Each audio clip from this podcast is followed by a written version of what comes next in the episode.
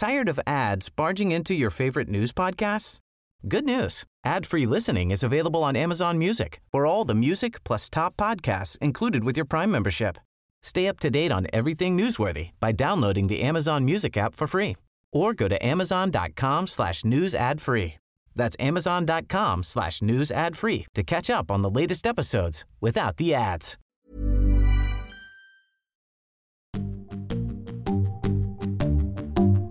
Välkomna till ett nytt avsnitt av podcasten Cyril och Stig i otakt med samtiden. Podcasten produceras av Storyhood. Dagens gäst är advokat Johan Eriksson som länge sett som en av landets främsta advokater, kanske den främste. För allmänheten blev han känd när han försvarade Rachmat Akilov efter terrordådet på Drottninggatan. Men han har även gjort flera andra stora mål. Vi kommer tala om det och hans bok som heter I rättvisans tjänst. Innan vi börjar vill jag påminna om att vi har en skrivarkurs som vi planerar eventuellt den 17 till 23 maj. Så det är snabba bud att mejla in till cyrilochstig.gmail.com eller inboxa på våra sociala medier i otakt mot sam, med samtiden på Instagram och Cyril och Stig på Facebook. Eh, och det är mellan den 17 och 23, alltså fyra dagar för 6 000 kronor. Eh, och vad kommer vi gå igenom sig? Ja, det är som vanligt att vi kan arbeta med väldigt olika typer av material. Alltså vi, vi liksom skräddarsyra med tanke på vem det är som, som går med på det här, vilka våra elever är. Va? Och det gör att eh, vi kommer att precis som i vanliga skrivarkurser ha olika uppgifter. Men är det så att eleverna har önskemål om att de arbetar till exempel med en roman eller ett manus eller så, så kan vi även tillfredsställa det. Precis, så vi kan filmmanus, teatermanus, poesi, noveller, roman, eh, fakta om man nu vill göra reportage. Eh, så, är ni intresserade, mejla in till cyrilochstig.gmail.com. Vill man köpa våra t-shirts, kulturkassar, kaffemuggar, hoodies med mera så logga in på podstore.se. Jag vill också påminna om att jag är aktuell med reviderad, uppdaterad pocketversion av en resa genom krigets Ukraina. Försvarsadvokaten. Ja, I Johan, hos Johan Erikssons kontor här i Kungsholmen där vi också bor. Ska ska börja prata Jag om kan boken? snacka om boken. Så Jag läste ju den. ja. Jag tyckte det var väldigt roligt att läsa för att det, eh, alltså det, det är ju då saker som jag inte helt och hållet kan. Va? Nej. Jag kan få inblick i en miljö som är intressant och som jag... Och det jag tycker är, riktigt bra det är att du beskriver så mycket miljön. Mm. Så att man kommer in i de här och du skriver hur möblerna ser ut. Allt sånt där som verkar... Mm. Det, det har väl någon betydelse? Har Ja, det har man, det. om man inte har varit där så har det Ja, betydelse. jag tror de flesta som läser det här de, de tänker ju så här. Tänk om jag skulle åka fast. Mm. Mm. För vem som helst kan ju faktiskt åka fast. Mm. Eh, Och då blir ju det där med hur advokaten är, det blir på något sätt fysiskt. Då. Mm. Och det skriver du redan förra ordet att sanningen är inte den Nej, det synes alltid vara. Liksom, Nej. Klassisk noir. Det, Det- vara något helt annat. det är ju, och det, jag menar, eh, i, i någon mening, inget är sant men allt är sant på något vis. Så är det ju.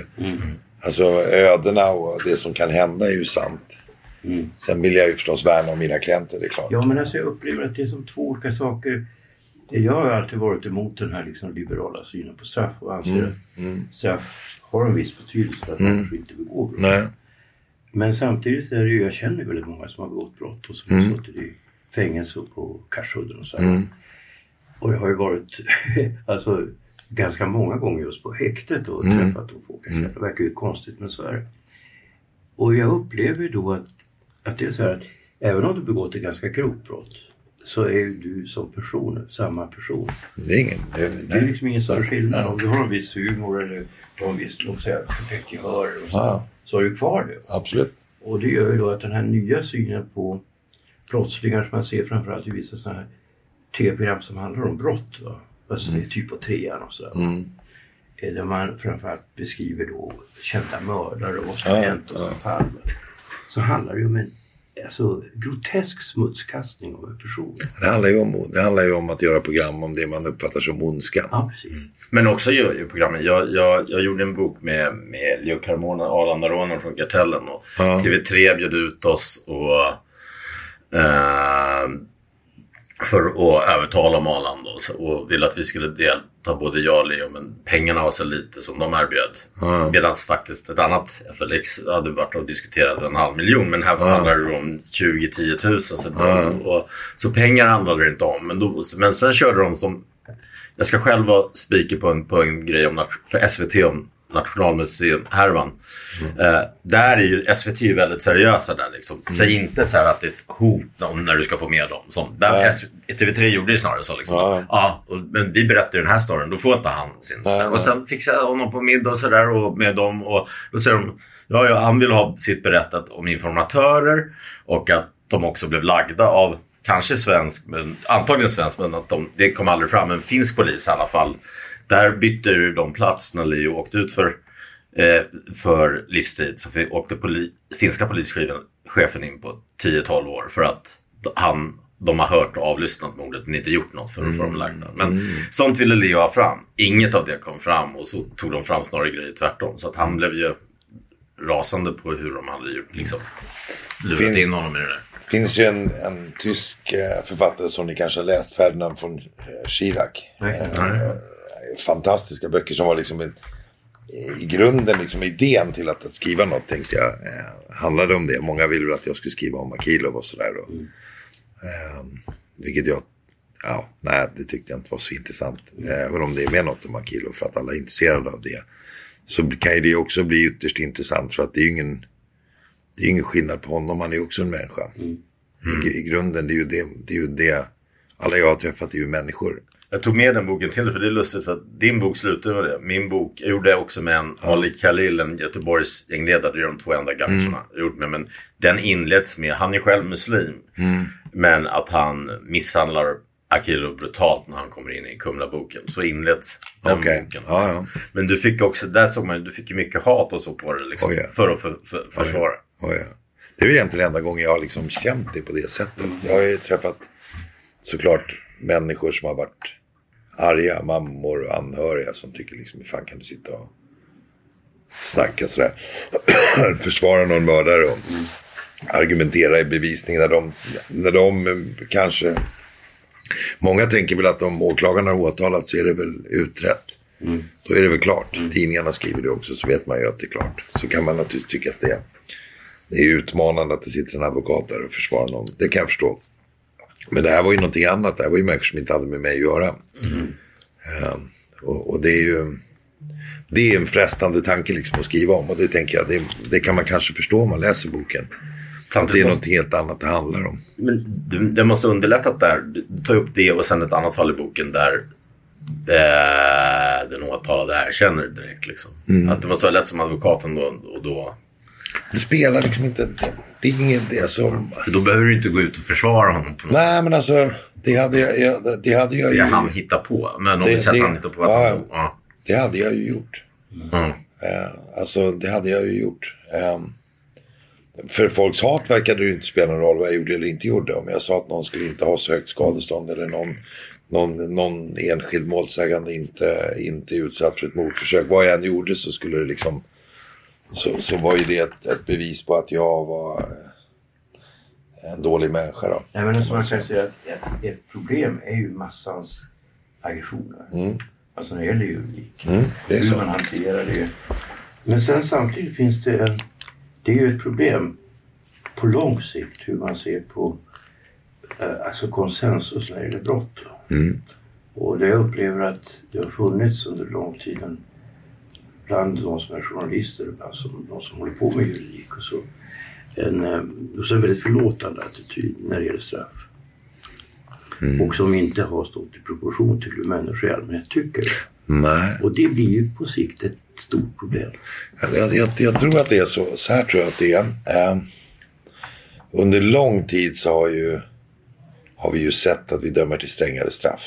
Nu, nu alldeles tossigt tycker jag. Ja, framförallt idag. ja, alltså idag va? dömer 18-åringar till livstid. Jag var jag själv sakkunnig förra veckan i Svea hovrätt mot Ja. en tjej som, hon, har, hon är 21 år. Och det har kommit killar kompistryck.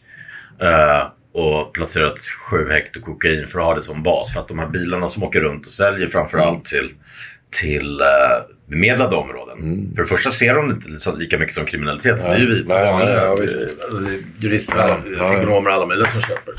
Så de ser mer indrivningar och sånt och, och skjutningar som kriminalitet. Men för andra så har de lagt tjejer och, och sälja kokain. Och de vet ju precis vad de gör. Så sa jag att jag skulle berätta hur det går till. Men sen har du ju tjejer, precis som barn, med logistik. Och det är som Foodora-bud. De vet inte vad de har i, i det de serverar, om det är vapen eller droger. Men hon, som jag försökte förklara, hon kan ju inte bara slänga sju kokain i skogen. Och hon kan inte heller bara ring, ö, ö, ringa polisen när hon är i den här situationen 21. Det föreligger ett hot mot Det, henne. det, är nog ingen, det är nog ingen bra, det är nog ingen enkel, det är nog Nej, ingen bra. hon hade fått fyra år och åklagaren verkar nu på fyra och sex. Men jag, där, hennes advokat hoppades att de nu efter det här i hovrätten skulle, att de åtminstone halverade det för henne. Jo, men, men om man ska återknyta till det där resonemanget så har ju förstås, om vi säger vanligt folk då, tyckt att sådana som jag är en, en mes som, som lever i någon värld där jag tror att straff inte har någon betydelse och att ur ett allmänhetens perspektiv så har stränga straff betydelse. Det, så tror jag det är. Så man, om man frågar allmänheten så kommer de att säga att det här med strängare straff är bra. Det är ju skälet till att politiker säger det. För politiker säger det som man får röster för. Eh, jurister har ju på, till de här frågorna förhållit sig liksom till forskning.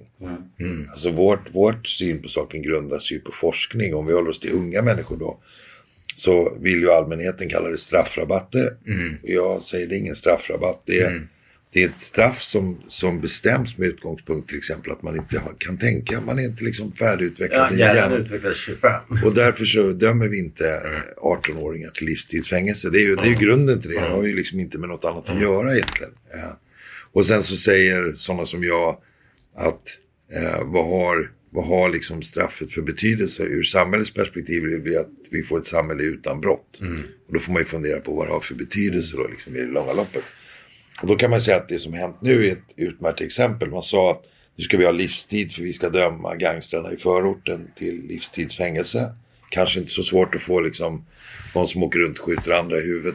Kanske inte så svårt för folk att tycka att kan man göra det så kan man väl också få livstid. Det är väl inte så, det tycker jag inte är så, det är inte så avancerat resonemang precis. Men vilka är det som har dömts nu då? Till livstid? Ja, det är de här två tjejerna idag.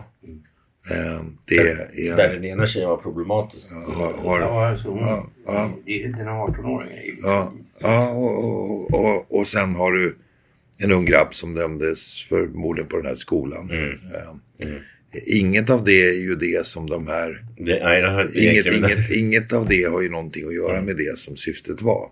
Det är en backlash. Och, och, och det är ju det som konsekvenserna har blivit. Och, och jag tycker också möjligen att om man tittar tillbaka liksom lite grann på det som enda man kan göra, jämföra liksom facit lite grann, då, så kan vi konstatera att eh, brottsligheten i Sverige har inte ökat.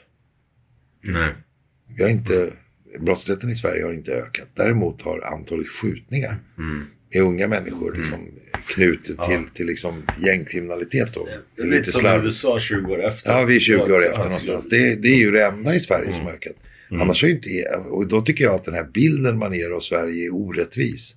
Det är inte så illa. Det är illa, det är illa, Det är är illa I- med I skjutningar Chicago liksom. skjuts det lika många som i, i Sverige under en helg. Ja, Liksom, jo, I Sverige jo, under ett jo, år. jo. Sen är Sverige, men Sverige är fortfarande extrema för att vara i Europa. Ja, alltså vi är om man, om man jämför med USA, hela den här, alltså jag har alltid sett på de här kriminologerna och Ja, hela den här ja. eh, kriminalliberalismen som, Ja, som ja, är lite ja. problematisk. Ja. Jag menar att det ser ju så att det finns en relation mellan att göra en dumhet och, och inse att jag kommer att torska på det här. Mm. Jag kanske torskar hårt. Vi säger att jag är på ett senabröllop. Mm. Kom igen, jag stöter inte på bruden. Nej, nej, nej, nej. Alltså Nej. vissa, vissa situationer gör att du, du gör inte snatterier i Saudiarabien. De har inget problem alls med det. Eller gå full. Nej. Men vi har, men vi har Vilket ju... samhälle vill man ha? Alltså grejen är den att man inte ser det som ett slags beslut. Va? Nej, fast det, det, det, det, det, där, det är ju det där som är intressant.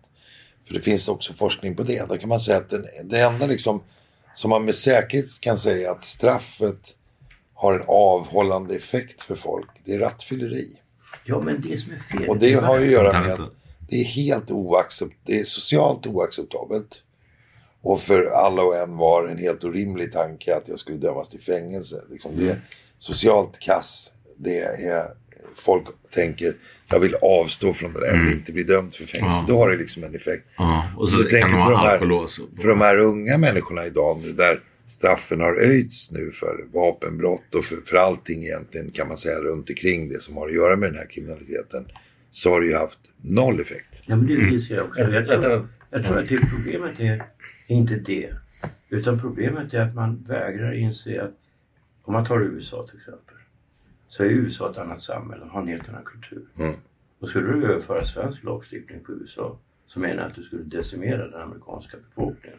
Då skulle ju alltså brotten öka ännu mer. Nej men, alltså, nej, men alltså, om du tar till USA för det första så, så Nej, det är samma. Jag har ju bott i, The Hood i New York för, för 25 år sedan. Det är samma som jag fått här i, i Mm. Ja, men det, så är det väl. Ja. Sen däremot som jag tänkte på den här tjejen när jag var sakkunnig där, att i USA hade hon, hade hon ju fått, hon golade ju ner. Det var det jag försökte berätta för Nu har hon ju ja. dödsstraff på sig. Så att, och då, det har kommit något i hovrätten också för två veckor sedan. En tjej som fick lite straffreducering då för att hon var under hot och Ja, behöver beskydd. Och Och, och, det, har, ja. och det har jag ju sagt, vi, Ja. har ju liksom, vi har ju närmat oss kronvittnessystems. Eh, Vi har ju liksom närmat Ja. oss det.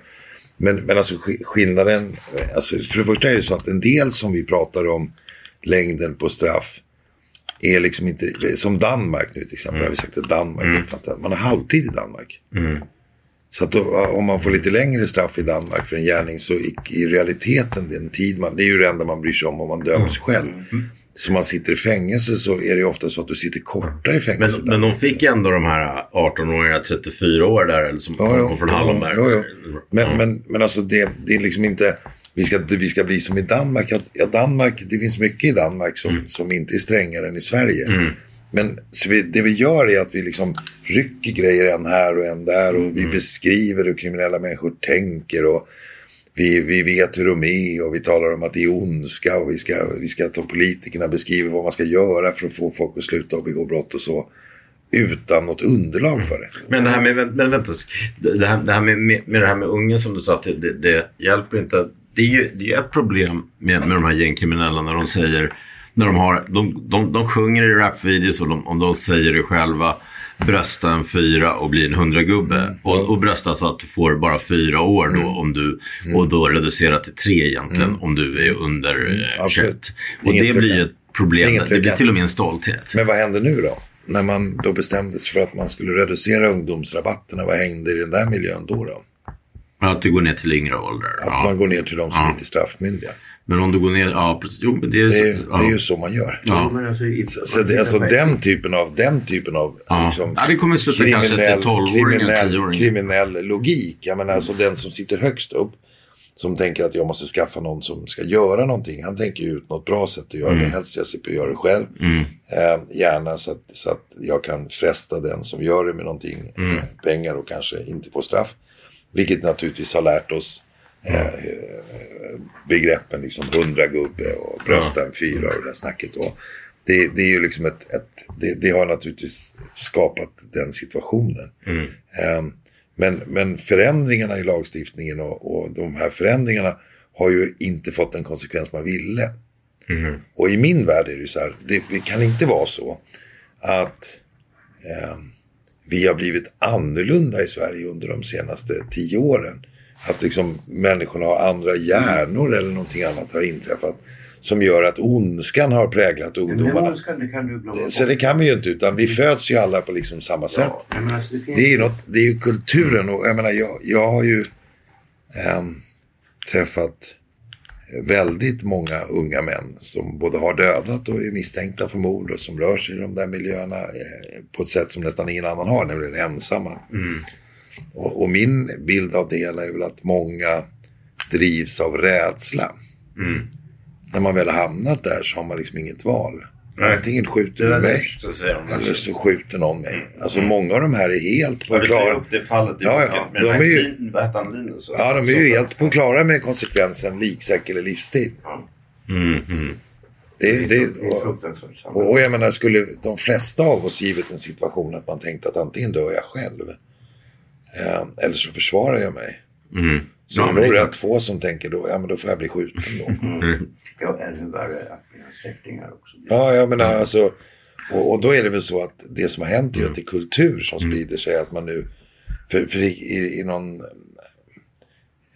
allmän syn på kriminella värderingar som jag ändå tror mig ha rätt bra koll på. Så har ju det förändrats också. För skulle du gå tillbaka 20 år i tiden så gav man sig liksom inte på föräldrar eller flickvänner där är eller andra. Utan kriminalitet löstes mellan de kriminella själva. Inte liksom, man kan inte åka hem till någon släkting eller någon Nej, mamma och där pappa är ju toppen som jag också förklarade i- där i, i hovrätten. Att du, du, högsta toppen, den är i, de befinner sig av rädsla och bekvämlighetsskäl i typ eh, i södra Europa, i Marbella eller Turkiet. Mm. Den här, I det här fallet var det, han, där, och de, i det här fallet vi- visste man vad han satt för också, att han var på flykt från ett mord. Därför att vi inte har utlämningsavtal på Turkiet. Sen har han sina hanterare eh, i Sverige som sen har underhuggar som ger till den här tjejen till exempel. Men, och de vet allt om de på bottens familjer. Men de andra vet inte något om Nej, nej. För man behöver inte, alltså när alla säger att, att liksom vi har alltså, kriminella kulturer och så. Om, om du gör ett tillslag och griper en direktör på en krog med, med en påse kokain i fickan. Mm. Frågar honom vem har du köpt den här av? Då kommer han säga, det vågar inte jag säga. Mm. Det är klart. Alltså det säger ju han med. Mm. Så att, att han vill ju inte heller gå Nej, med. nej, mm. Nej. Så det, det förstår ju han med. Mm. Så det, den, liksom, den idén om att man inte vill det, den rädslan rör sig ju rakt inom hela systemet. Mm. Men han kan ju ändå sitta på en middag och prata om hur, hur hemskt det är med, med, med unga kriminella och narkotikan. Och vi Mm. måste få stopp på det där. Liksom, trots att man rimligen borde inse att om jag köper den där skiten så deltar jag faktiskt i det själv. Ja, det, det, är- Det, det, finns, det fanns, fanns det ingen efterfrågan på narkotika så skulle det ju Ja. inte vara något Jag vet problem. inte om det stämmer, men jag hörde tryckt att såldes åt, kokain bara i Stockholm för 80 miljoner per dag. Om det, om det skulle vara så mycket så är det det är ju verkligen... Det tror inte hela- jag. Nej, det verkar konstigt. Det tror jag inte. Om man räknar med helger och så. Men, men det är i alla fall det är stora summor. Inte 80 miljoner. Nej. Nej men alltså jag... Kommer att jag läste någon sån här BRÅ-rapport om det där. I samband med att jag sysslade med det här Playa-målet som många kände till. Mm. Ja. Då tror jag att man påstod att den i Sverige kunde man tänka sig en års förbrukning av typ 800-900 kilo kokain. Mm. Det var liksom en, en svensk årsförbrukning då. När var det här? Ja. 2000? Jag tror mycket mer nu tror jag. Ja, tio år sedan då.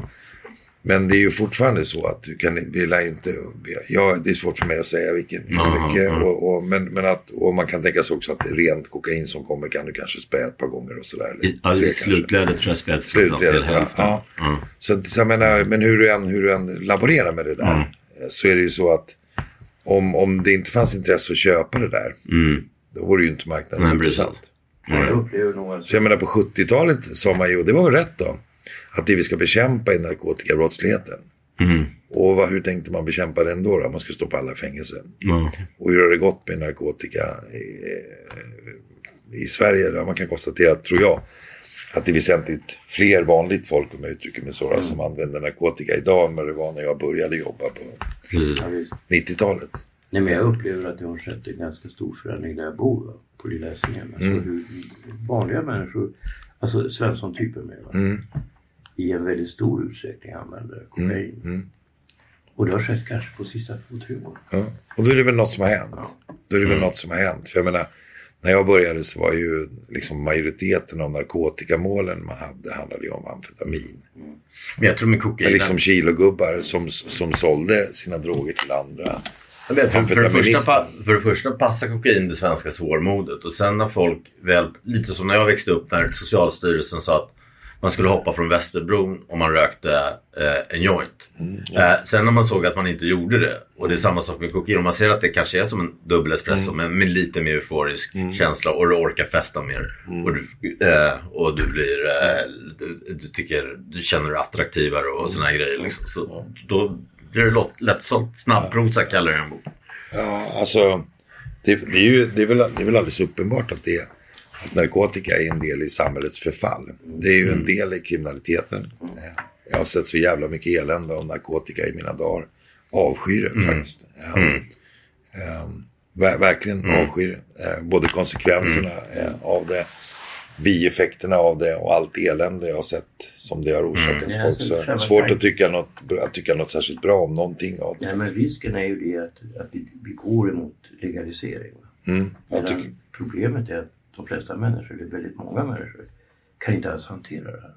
nej men det är klart de inte kan. För Det det är blir liksom katastrof. för Det kommer att drabba, alltså lite grann som du såg den här, vad heter det, Oxycontin eh, mm, mm, grejen i USA. Va? Att det drabbar helt vanliga människor som slås ut och som Mm. helt enkelt går under. ja, nej, men det är ju så. Jag, jag har ju sett det. Plus samtidigt Det är väl bara läsa i min bok där så ser ni ju. legalisera min cannabis tror jag att samtidigt som i min släkt och jag själv har råkat ut för det kan man till liksom exempel 10% kan inte ta det för du kan få psykoser och sådär. Men de flesta människor kan ju. De blir bara lite, de blir lite smartare men det tar ju bort, som Magnus Linton sa eh, när vi satt i någon show att, att, att eh, det tar ju bort en massa skit från samhället. Att du skulle med rättsväsende ba, få barn från bra familjer slipper liksom LVUas och, och hamna på ett ställe där de kanske lär sig kriminalitet och Ja. sådana här grejer. Jag har svårt att köpa det där. Jag tror inte på inte det? Nej, inte Mm. alls. Nej, jag tror inte alls på det. För jag tänker att hur många... Nu, nu, hur, hur många missbrukare har jag träffat som, som har börjat? Nej, men jag tror jag tar heroin. Nej, jag tror jag börjar med lite amfetamin. Jag tror jag börjar skjuta amfetamin. Nej, det är ju inte så. Alla har ju nästan, alltså droger är ju så. Man börjar med något lätt och sen så börjar man röra sig i kretsar och så vänjer man sig vid tanken att man ska använda sig av droger. Och så droger eh, eh, känner ett obehag inför att göra det. För man tänker att det där är någonting jag inte vill göra. Och om man en gång har gjort det, då har man också en gång prövat det och insett att det kan för de allra flesta då få någon slags positiv effekt. Så att jag, Alltså, det jag blir tänker, oundvikligt för folk om man som i Prag när man kan köpa det i tobaksaffären. Så Ja. blir det oundvikligt att för många ja, för det. fler. Och då Mm. tänker jag varför skulle fler pröva det? Ja, men jag brukar använda den här bilden att, att ingen vill ju bli, och fråga folk på dagis om de vill bli sprutnarkoman. Ja, nej, nej, nej. nej. Och att det är som en trappa du börjar gå i. va. Mm.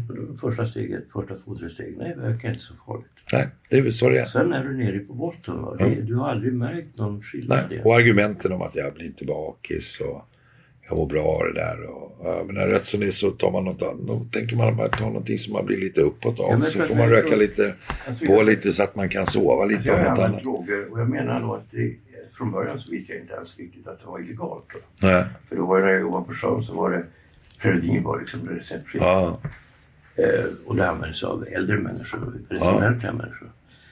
Men alltså, jag tror att det är så att alla människor har liksom en förfallströskel som beror Ja, ja, jag håller med hur de har liksom växt upp, vilka kompisar de har och hur föräldrarna, deras relation till föräldrarna. Men Jag, jag håller med om att det finns. Det där förfallströsket tycker jag är intressant. Sen liksom bakgrunden, men att det i alla fall det är liksom saker och ting sker i olika steg. Eh, Precis.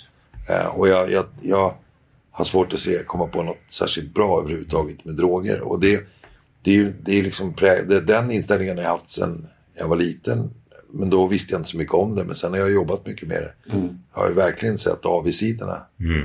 Och då måste jag säga att jag kan inte förstå varför man skulle legalisera det. Jag har svårt att hitta något vettig förklaring till det. Men där, de, de drivs av forskning säger de. Att det Jag vet, jag vet. Jag, men, inte jag, har av jag tycker liksom att man ska ha respekt för, för att människor kan ha olika åsikter. Det är ganska Mm. oproblematiskt tycker jag.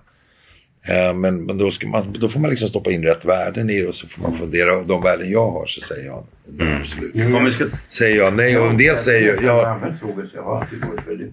Och det som förvånade mig... Jag skrev en bok om det där då, 20, var det 2012. va? Mm, Jag höll på att dö av hjärtinfarkt och så. mm.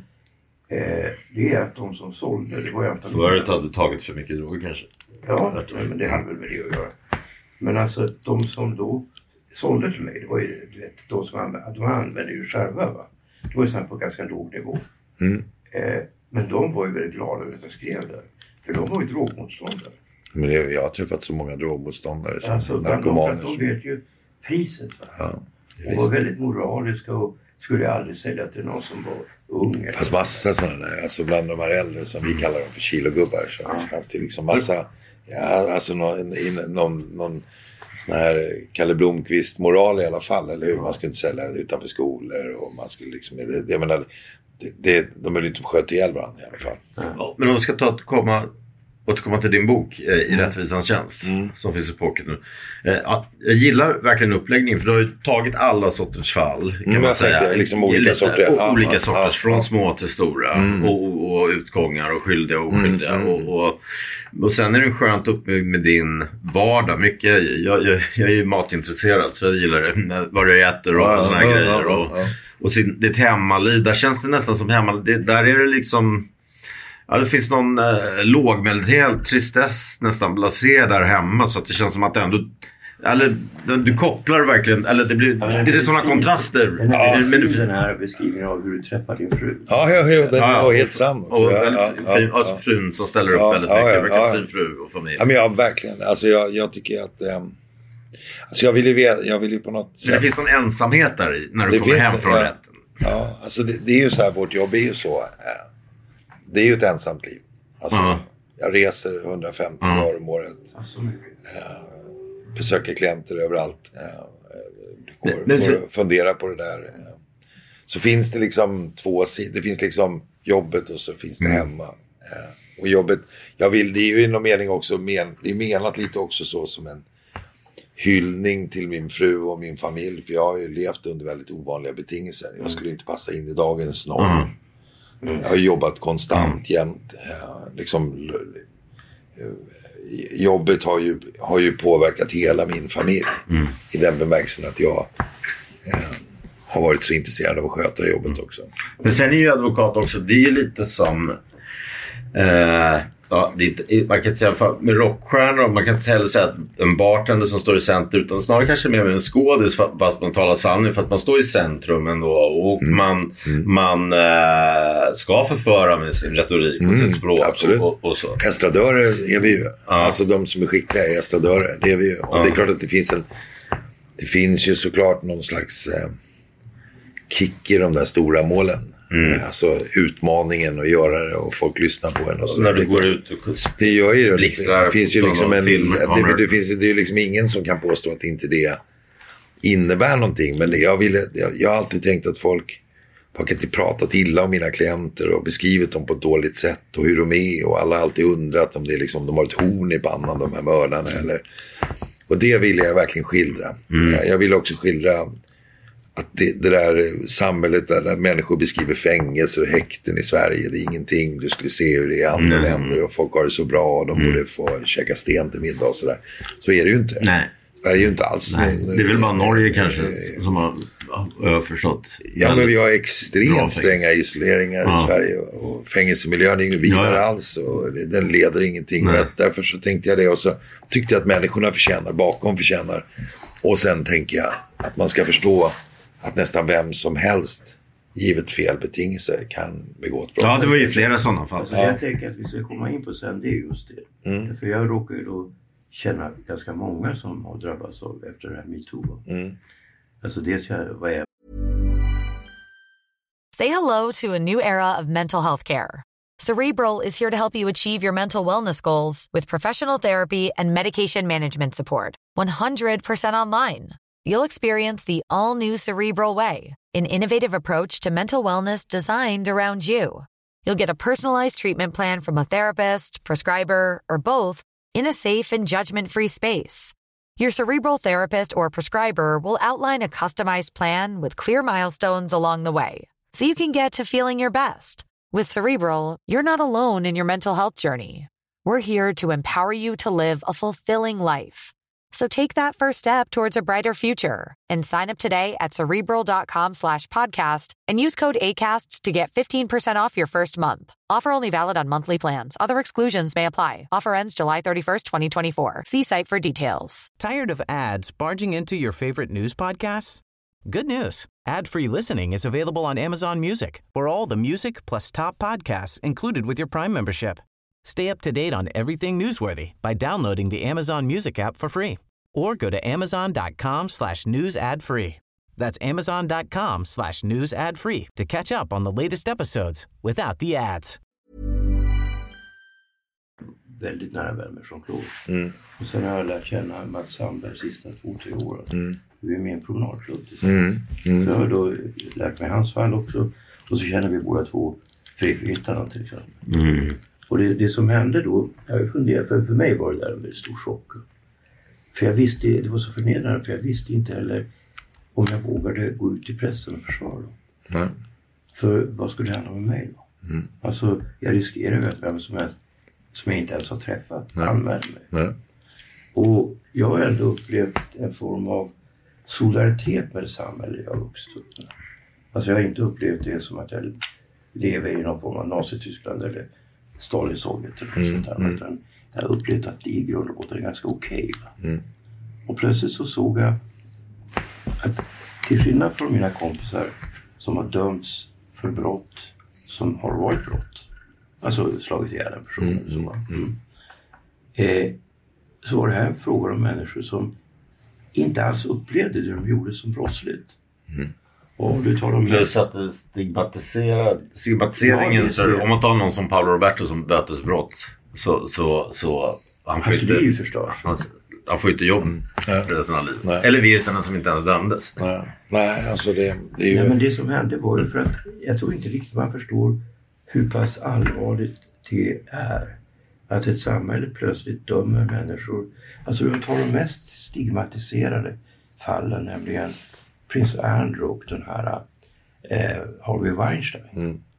Det är ju egentligen helt otänkbart att det de gjorde, att de upplevde det när de gjorde det som kriminellt. Det är ju helt otänkbart. Och sen ska deras liv förstöras. Ja, alltså det, det där tror jag...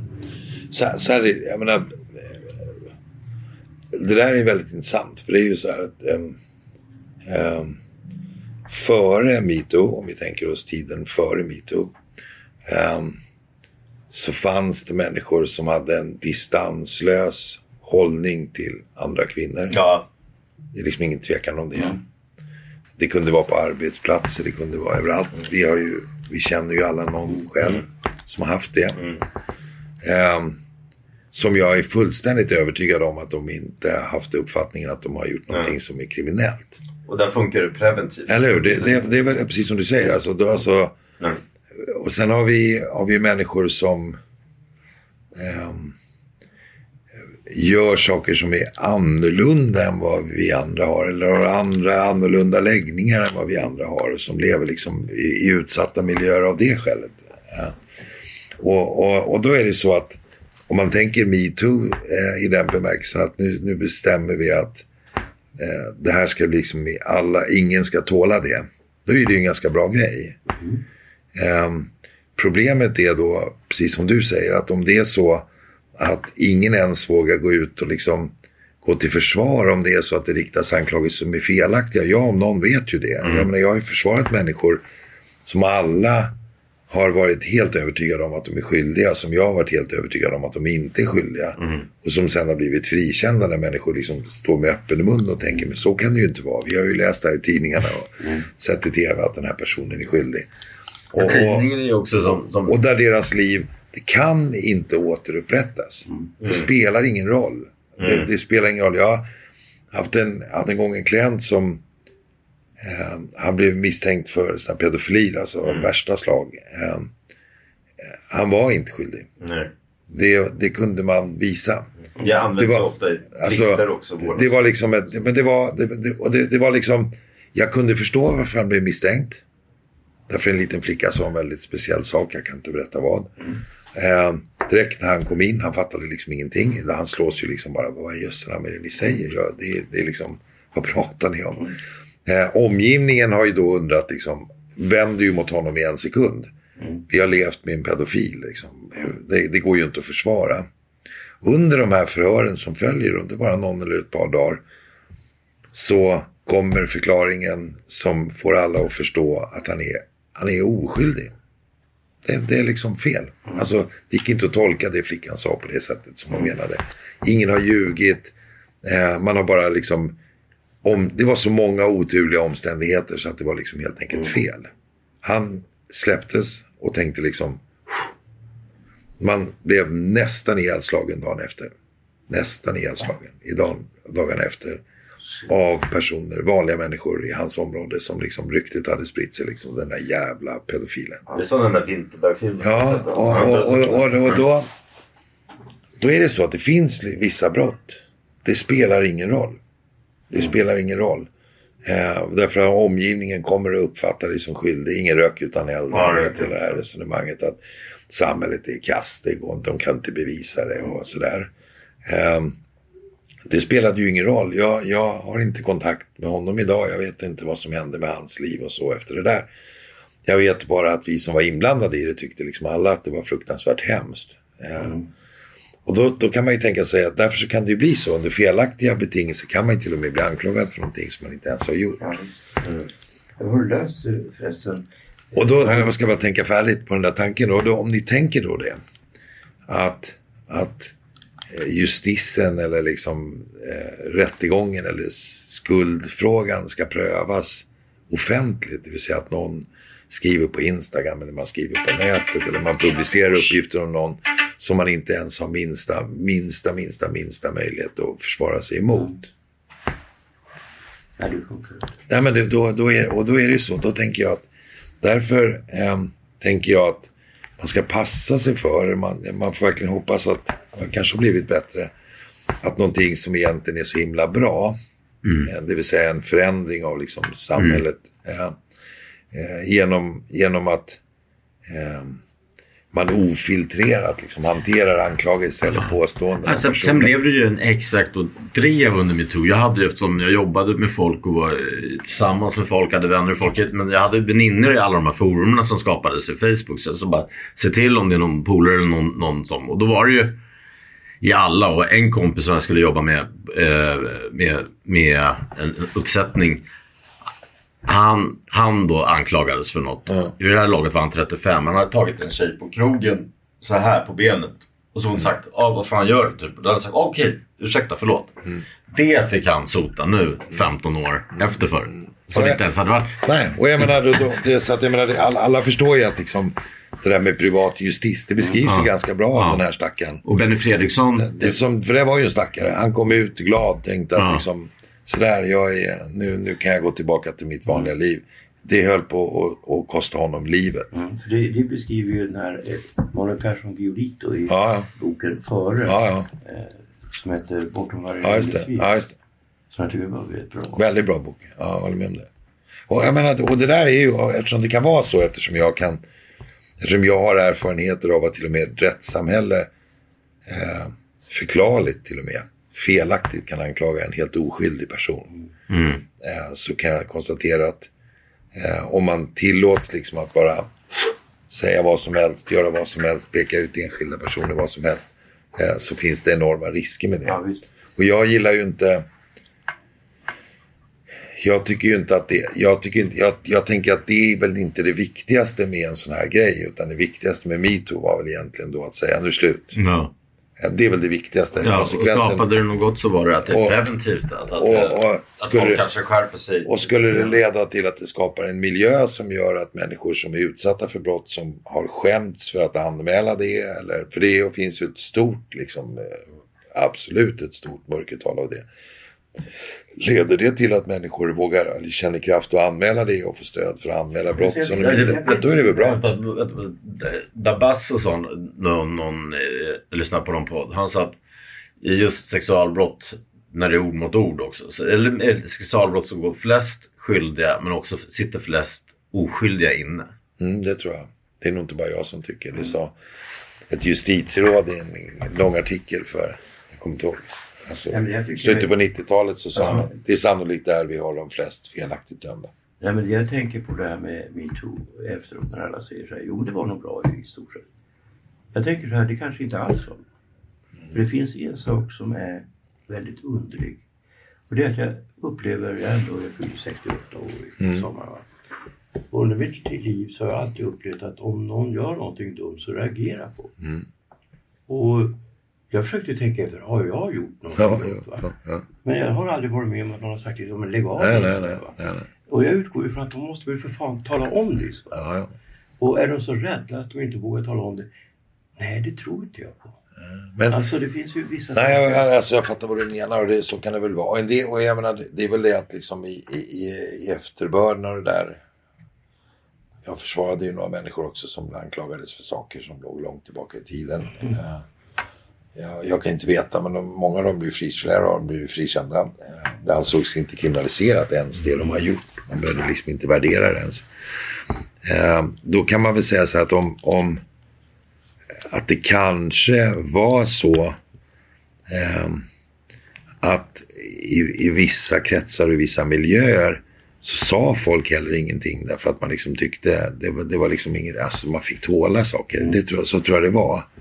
Att tjejer ibland fick tåla liksom. Det var, I den här miljön är det så att man nu Ja, gör det det. Ja, ja, ja, ja, jag vet inte. Ja, alltså det fanns... Nej, men eller jag vet inte. Men det är att det fanns sådana miljöer i alla fall. Det tror jag. Eh, och då är det, då är det väl... 78 Då, då, är det väl, då är det väl bra då att man bestämmer att nu säger man till faktiskt om någonting man inte gillar. Det tycker jag. Det är väl en grundläggande bra sak. Om man gör det, om det skapar idén att man gör det så tycker jag det är bra. Problemet är ju då att det blir väldigt svårt att bemöta anklagelser som då ligger typ 15 år tillbaka i tiden. Av inte, av inte särskilt allvarlig karaktär. Som sen då liksom raserar hela människors liv. Och det får jag väl ändå säga att det har jag lite svårt att... Nej men alltså jag, jag förstår inte varför han inte vänder på det.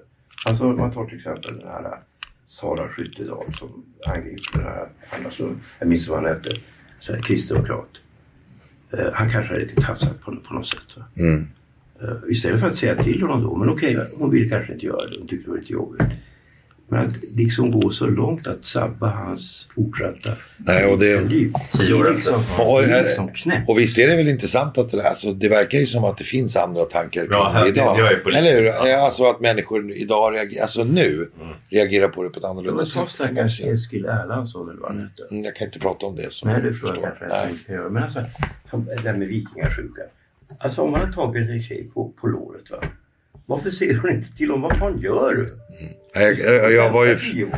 Jag, jag, kan, jag, jag pratar ju aldrig om egna mål. Nej. Men vad, vad jag skulle säga med, tillbaka till boken, det har ju med narkotika och kvinnor också. Den som berörde mest, mig, mig mest, det var ju den här inledande med, med Pia. Mm. Som du har, du har företrätt henne länge. En, en tjej som knivhugger sin, en uh, Dödar en torsk torsk. som försöker. Dödar som, en torsk. Ja, vad sa du? Hon dödar en torsk. Ja, precis som, som, Som angriper henne i nö- i nöd- i nöd- i nödvärn. Ja. Ja. Eh, eh, så henne har du ju en personlig relation till märkte. Och Mm. du säger också som, det var ju samma, jag var ju tonårskriminell och jag hade Peter Altin. Inte för, du, och du tar, tar du också små mål som han gjorde Mm. Ja. med mig där. Ja. där var, han var ju skyldig min övervakare en tjänst i och för sig för hon hade gett honom hans, eh, hans eh, genombrottsfall. Mm. Och, men, så jag hade honom alltid. Många av mina kompisar fick, fäng, eh, fick ungdomsfängelse eller sinnesundersökning medan jag gick alltid fri. Sen var jag nog skyldig flera gånger. Men, Mm. men sen, han sa också till mig så att det var ju därför jag skärpte till mig att nu, nu kan jag inte hjälpa er. Då hade han sista gången sagt också. Ni vet ingenting. Jag känner Cyril. Han kan bli det här och här inom musik. Eller så har han inom Svartenbrandt, Clas Olovsson ungefär. Och Det, det, jag fick en chans och jag tog den. Så det blev jag glad när jag läste hans bok och såg att liksom, Mm. jag är glad ändå har räddat 10 Ja, procent. ja, jag gillar ju Peter och vi var ganska, tycker vi lika om väldigt mycket. Men du tar också som honom, för Ja. det är några sådana små Ja, ja, unga killar och, Ja, ja. ja det, där är ju ett axplock. Men det är klart att en del... Jag tyckte ju och tycker fortfarande, men man träffade dem mer förr. Jag vet inte varför det var så. Jag, jag hade mycket eh, prostituerade narkomaner. Jag tyckte så jävla synd om dem. Ja. Jag tyckte att de hade liksom ingen rättvisa på något sätt. Och så finns det en advokat, heter jag förstått att har väl börjat med en klient så fortsätter Ja, ja, ja, om de Ja. gillar den så gör man väl det. Ja, Alltså, ja. Vi gillar väl våra klienter. Men sen var det, du, du, och du säger där, här går jag, går jag längre och berättar i rätten att, att du känner henne personligen och, eller någonting. Ja. Mm. Alltså, ja. alltså, att det, jag, alltså jag, jag vill, vad jag vill berätta där är ju två saker. Eh, det ena att jag liksom verkligen tyckte synd om henne och liksom Mm. allting runt omkring det. Men också visa att det finns en distans som, alltså, som är svår. Ska gå på en begravning eller Ja, inte gå på en där, det begravning. finns många advokater som går på begravningar. Jag gör inte, jag gör, du har gjort valet att inte jag, det. gör inte det. Jag, jag tycker att det, för mig är det en... Det, det är liksom, jag, är inte- jag är inte känslolös eller så, men det är ett viktigt moment för mig att skilja på privatpersonen, Ja. jag och Du är inne i privatliv. relationen. Och jag, jag, vill, jag, vill, jag vill ha den liksom relationen. Jag vet, jag, det har ju ställt mig inför många problem. Jag har ju tyckt synd, folk har blivit ledsna. Jag vill inte att de ska bli ledsen. Hon säger jag slutar med kriminalitet. Jag vill, kan du inte komma på mitt dop? Ja, det känns oförskämt att säga Ja, nej. ja, jag det. Men jag gör det ändå av den enkla anledningen att jag, tänk, att jag alltid har tänkt att jag vill, jag vill hålla bort det där privata. Det, är liksom, det finns för många det finns för många risker med att komma sina klienter för nära. Men, men, men jag menar, jag, jag vill också visa att jag tycker att de här, det finns ju något politiskt i det där. Jag vill också visa att jag tycker ju att, att de här, det, det här var en oerhört utsatt grupp. Eh, Jag fick ju liksom en inblick, jag hade flera sådana här prostituerade kvinnor på den där tiden. Jag fick liksom en inblick i deras liv. Och jag tyckte så fruktansvärt synd om dem. Deras barn togs, eh, jävla heroinet som de sprang. De här eh, torskarna som behandlar dem som skit. Det omöjliga i att liksom ta sig ur det där, eh, för de där pengarna behövdes. Eh, det här... Eh, Idag är det väl tyvärr så att du, att du har mindre idag. Det är väl att det faktiskt idag är trafficking och... nej, det finns ju inte, det finns ju inte, det, det finns ju ja. inte på det sättet. Som, Det händer ju att, det, det. det händer ju att, och tyvärr är det väl sorgligt nog så att de flesta av dem där är döda, men inte alla. Men några finns kvar.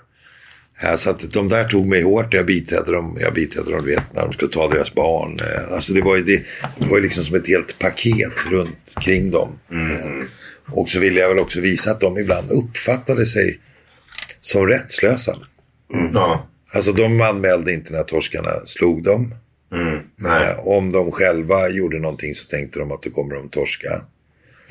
Ja, och även som det här. Det var de ju... fick droger eh, och för betalningen kan ju alla begripa vad betalningen var. Mm. Det var liksom som att alla på något sätt hade någon, någon rätt att utnyttja Ja, det, dem. det kommer jag ihåg uppmärksammat. Det skrivs ju böcker och artiklar om det där och forskning om med, med den här obducenträttegången. Hur det var, om de var skyldiga eller inte. Men, men, men däremot det här med att, eh, att eh, åklagaren, att de inte såg som tillförlitliga vittnen. Ja, jag vet. Men alltså det... Nej, så jag tyckte det där, det, det, där tyckte jag, därför så var det för mig helt givet att jag måste ha något om det där. eh, För att beskriva det. Och jag tänker också att folk ser ner på dem. Tittar på dem som om de inte är riktiga människor. Så Ja, tycker, jag tycker man ska lägga av med det på momangen faktiskt. Ja. Jag minns jag, en av mina första, det är mitt första jobb i Stockholm var att jag var nattportier. Ja, Och då lärde jag känna att det här var näst billigaste hotellet. ja, Och vi hade ju då en hel del prostituerade där. ja. Eh, vi fick ju inte ta, alltså de som var så kallade pundarhoror, Ja. de var ju förbjudna. ja. Men så var det en del andra som var liksom ganska Ja. och som hade fackföreningsgubbar som, Mm. som torskade. Eh, och de var ju tvungna att släppa in va. Så jag lärde känna en del då. Och en av de tjejerna har jag haft kontakt med fortfarande och hon, hon beskriver det där väldigt bra för mig. Hon är väldigt bright va. Ingen- Eh, och tog sig bort från det där livet redan då på 70-talet. Men alltså det var ett jävligt hårt, hårt liv. Hårt liv, ja. ja, och det här låg precis vid... Man undrar vad som händer med själen. Liksom. Mm. Ja, Mhm. Att alltid på något sätt var handelsvara. Ja. ja. Och, och liksom, om du lägger till det då. Rädslan för vad, kan vad, hända vad som med kan hända och så lägger du till det också. Heroinist och så kan du titta på folks blickar på folk som är heroinister. Mhm. Om, man, om man tycker att de är riktiga människor eller inte, knappast. Mm. Frågar du dem skulle de ju tänka att de var det lägst stående packet. Mm. Nej, jag jobbar ju med, faktiskt med det än idag. Med Mm. hemlösa. Ja, jag, tycker- så jag har någon särskild, jag har någon särskild, eh, Nej, men det, det finns Feeling för det. Jag oftast, narkomaner är oftast också väldigt känsliga människor. ja Det- det- det- och- snälla. och Många är väl, är människor som vill bort från smärta. märker. många, många överkänsliga människor som Ja. har liksom väldigt Ja. bra feeling. Liksom.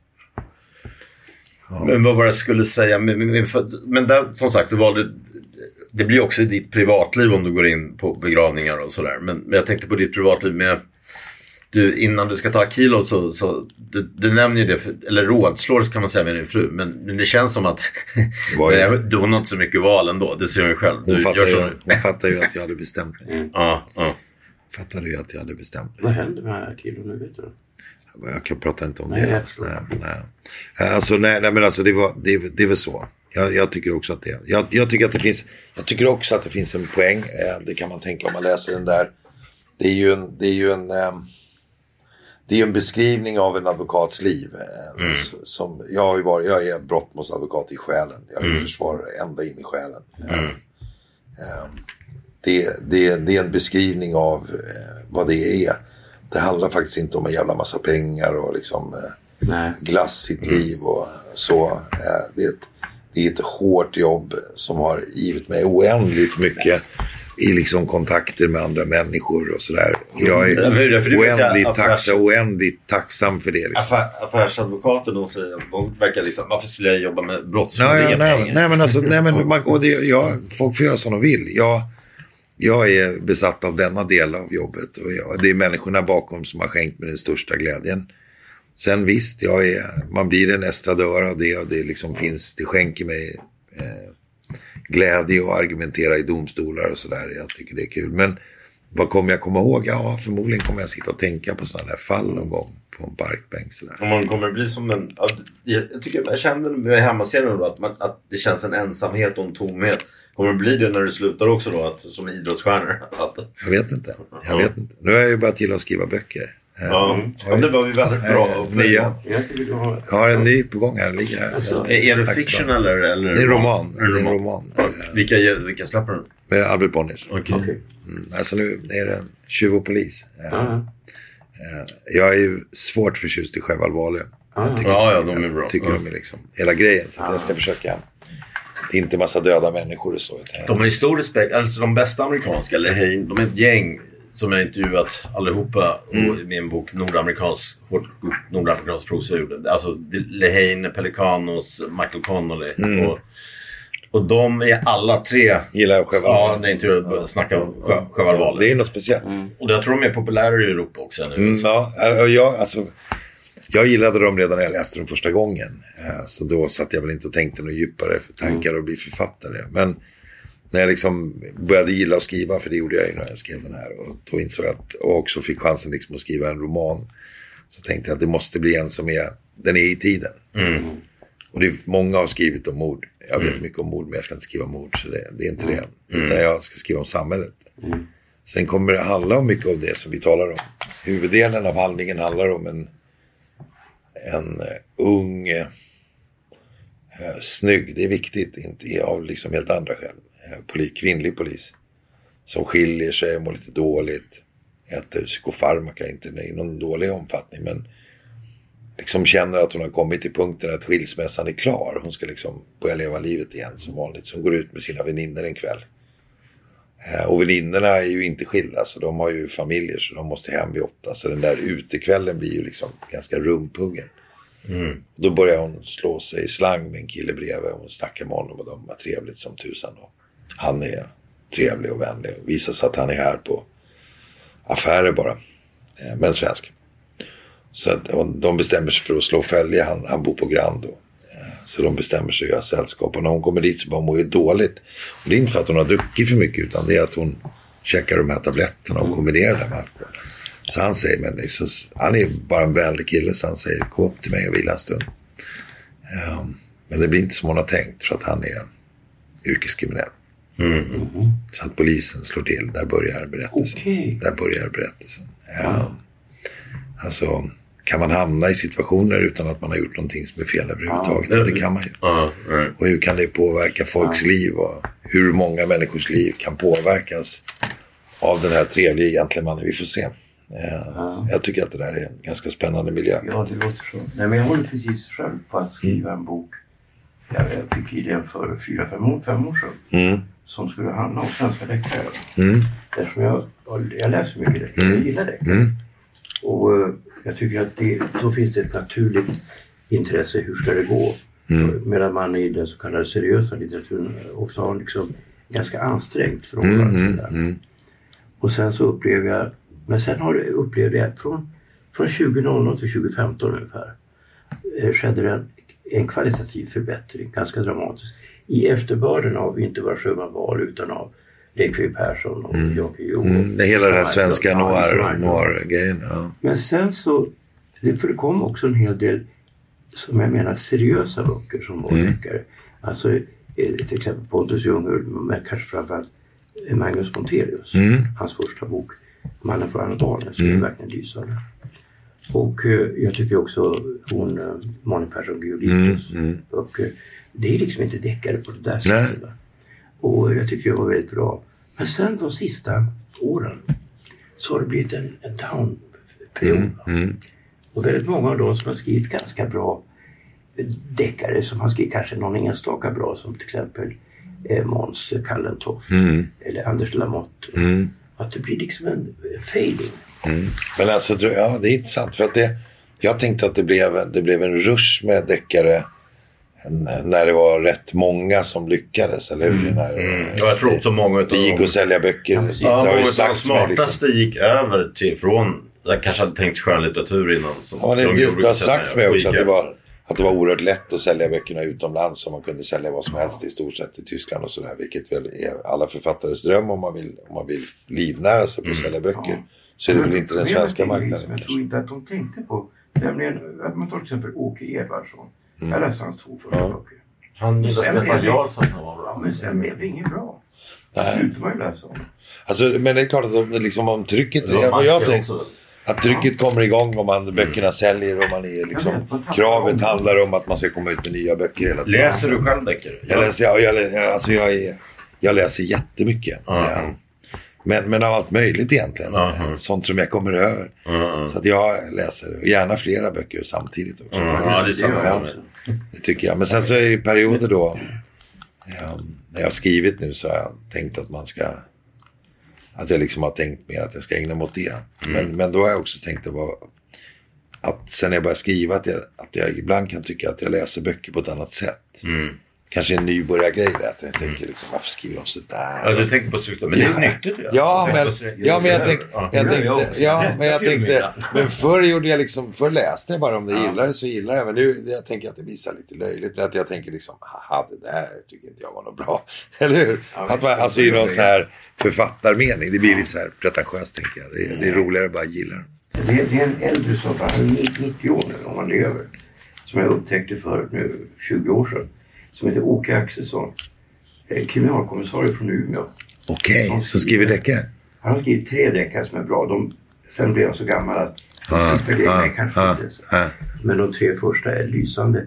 För de är så extremt långsamt berättade. Ja. Och polisen är inte alls skickliga. Nej, nej, det är riktigt Och, och samtidigt är de så oförutsägbara. Och framförallt, de skildrar vanlig Svensson. Mm.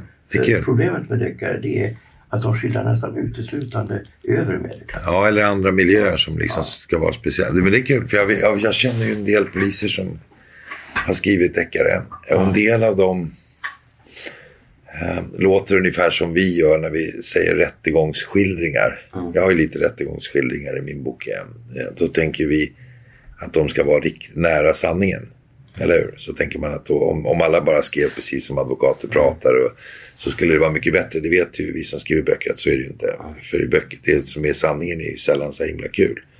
Och ibland skriver ju poliser deckare då som, som är väldigt nära sanningen. Eh, som kan bli för långsamma, inte sant? Eller, Alltså man, man tänker det blir liksom ingen, det blir Ja, ingen, det ingen sprutt i det alls. kan ingen dramatik. Det, Nej, man- man tappar det dramatiken, men det finns- att det, att men det finns han är någonting- ingen dramaturg. Men det finns någonting både och. Eller hur? Ja, Alltså, alltså, jag gillar det. Alltså, jag, läste om nu Linda som är Linda Morden. Det läst, TV. ja. Och jag gillar den här, alltså de här felaktiga spåren de kommer in på. Ja, det finns ja, en brittisk ja, ja. författare som var den första som skrev polisdeckare. Ja. Freeman Wilscroft. Okej.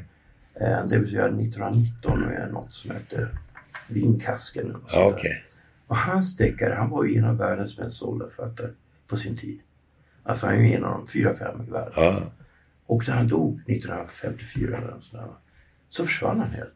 Därför att det han gjorde, han skapade den här polisdeckaren va, som Ja. inte var, till skillnad, jag gillar ju Maigret va, men till skillnad, från Maigret, den här French som han heter, han är inte ett dugg smart. Nej, nej. Han var noggrann. Nej, men, men det är Han väl lite också. noggrann. Det är väl som Cheval eller hur? Plötsligt är det ett kollektiv. Ja, För jag menar många unga människor. Jag brukar tipsa alla unga människor jag känner här runt omkring. Nu läser ni. Läs dem där ska ni se. Ja. För det är ju att alla tror ju att det handlar om Beck. Beck blir ju en, en huvudfigur i Ja. böckerna. Men det är ju polisarbete i den Men meningen. vad jag har förstått så blev hon snarare avlurad lite. Hon fick det bra men alltså de köpte varumärket för väldigt Ja, alltså, mot finns- vad hon borde fått. Jag vet, Jag jag, jag, vet, jag vet inte. Jag vet ju bara att det var oändligt sorgligt Ja. eh, under, tid, Ja. Mm. under slutet av deras författarskap. Och att det blev bättre med tiden. Och jag, har- jag har lite tid snart. Ja, vi- vi är klara. jag tycker det var superkul Ja, att ni kom. det här blev jättebra. Med tiden. En liten rättelse till det vi talade om i podden i fråga om bruket av narkotika i Sverige. Några dagar efter att vi spelat in denna podd med advokat Johan Eriksson så kom polisens underrättelseenhet med rapporten att man sedan 2021, då franska polisen knackade den illegala telefonlinjen Enrochat, har man räknat ut att insmuggling av narkotika till Sverige är mycket större än vad man tidigare trott. Det är 150 ton narkotika årligen som smugglas in till Sverige. Varav hälften är cannabis, men minst 10% kokain, det vill säga 15 ton kokain per år. Det, som när det når framförallt medelklassen, även om det är vanligt i alla samhällsskikt idag, blir bankat, det vill säga utblandat 30 ton kokain per år. Det är inte heller gratis att göra podd. Vi är tacksamma för alla bidrag. Och swisha in då till 123 535 48 4857. Jag repeterar. Swishnummer 123 535 4857. Man kan också stödja oss genom att köpa vår öl, en lager åt IPA-hållet som heter Cyril och Stig Olut. Stavas alltså O-L-U-T. Den finns i ordinarie sortimentet på, hos Systembolaget på Södermalm, Enskede och i Nacka i Stockholm. Men man kan också beställa den på Systembolagets specialsortiment. Och det, det vill säga gå in på sajten systembolaget.se. Det, det tar då bara två till fyra dagar att få det till Systembolaget som ligger närmast den, var den är i Sverige. Eller till och med ända till dörren kan man få den. I Stockholm finns den också på krogar som Babayan på Söder, Rosa Drömmar på Lilla Essingen, Kapsylen på Djurgården, Rich Phoenix på Söder och stans bästa, eller snarare Sveriges bästa Kina-krog Pione vid Gullmarsplan. Vi vill också påminna, och här är snabba bud, att man kan gå och skriva kurs i Madrid den 17 till 23 maj, mitt i tjurfäktningssäsongen. Och är man då intresserad av att göra det så mejlar man cyrilochstig.gmail.com Och som sagt, glöm inte att swisha heller om ni vill stödja podden och våra medarbetare. Så swisha 123 535 4857.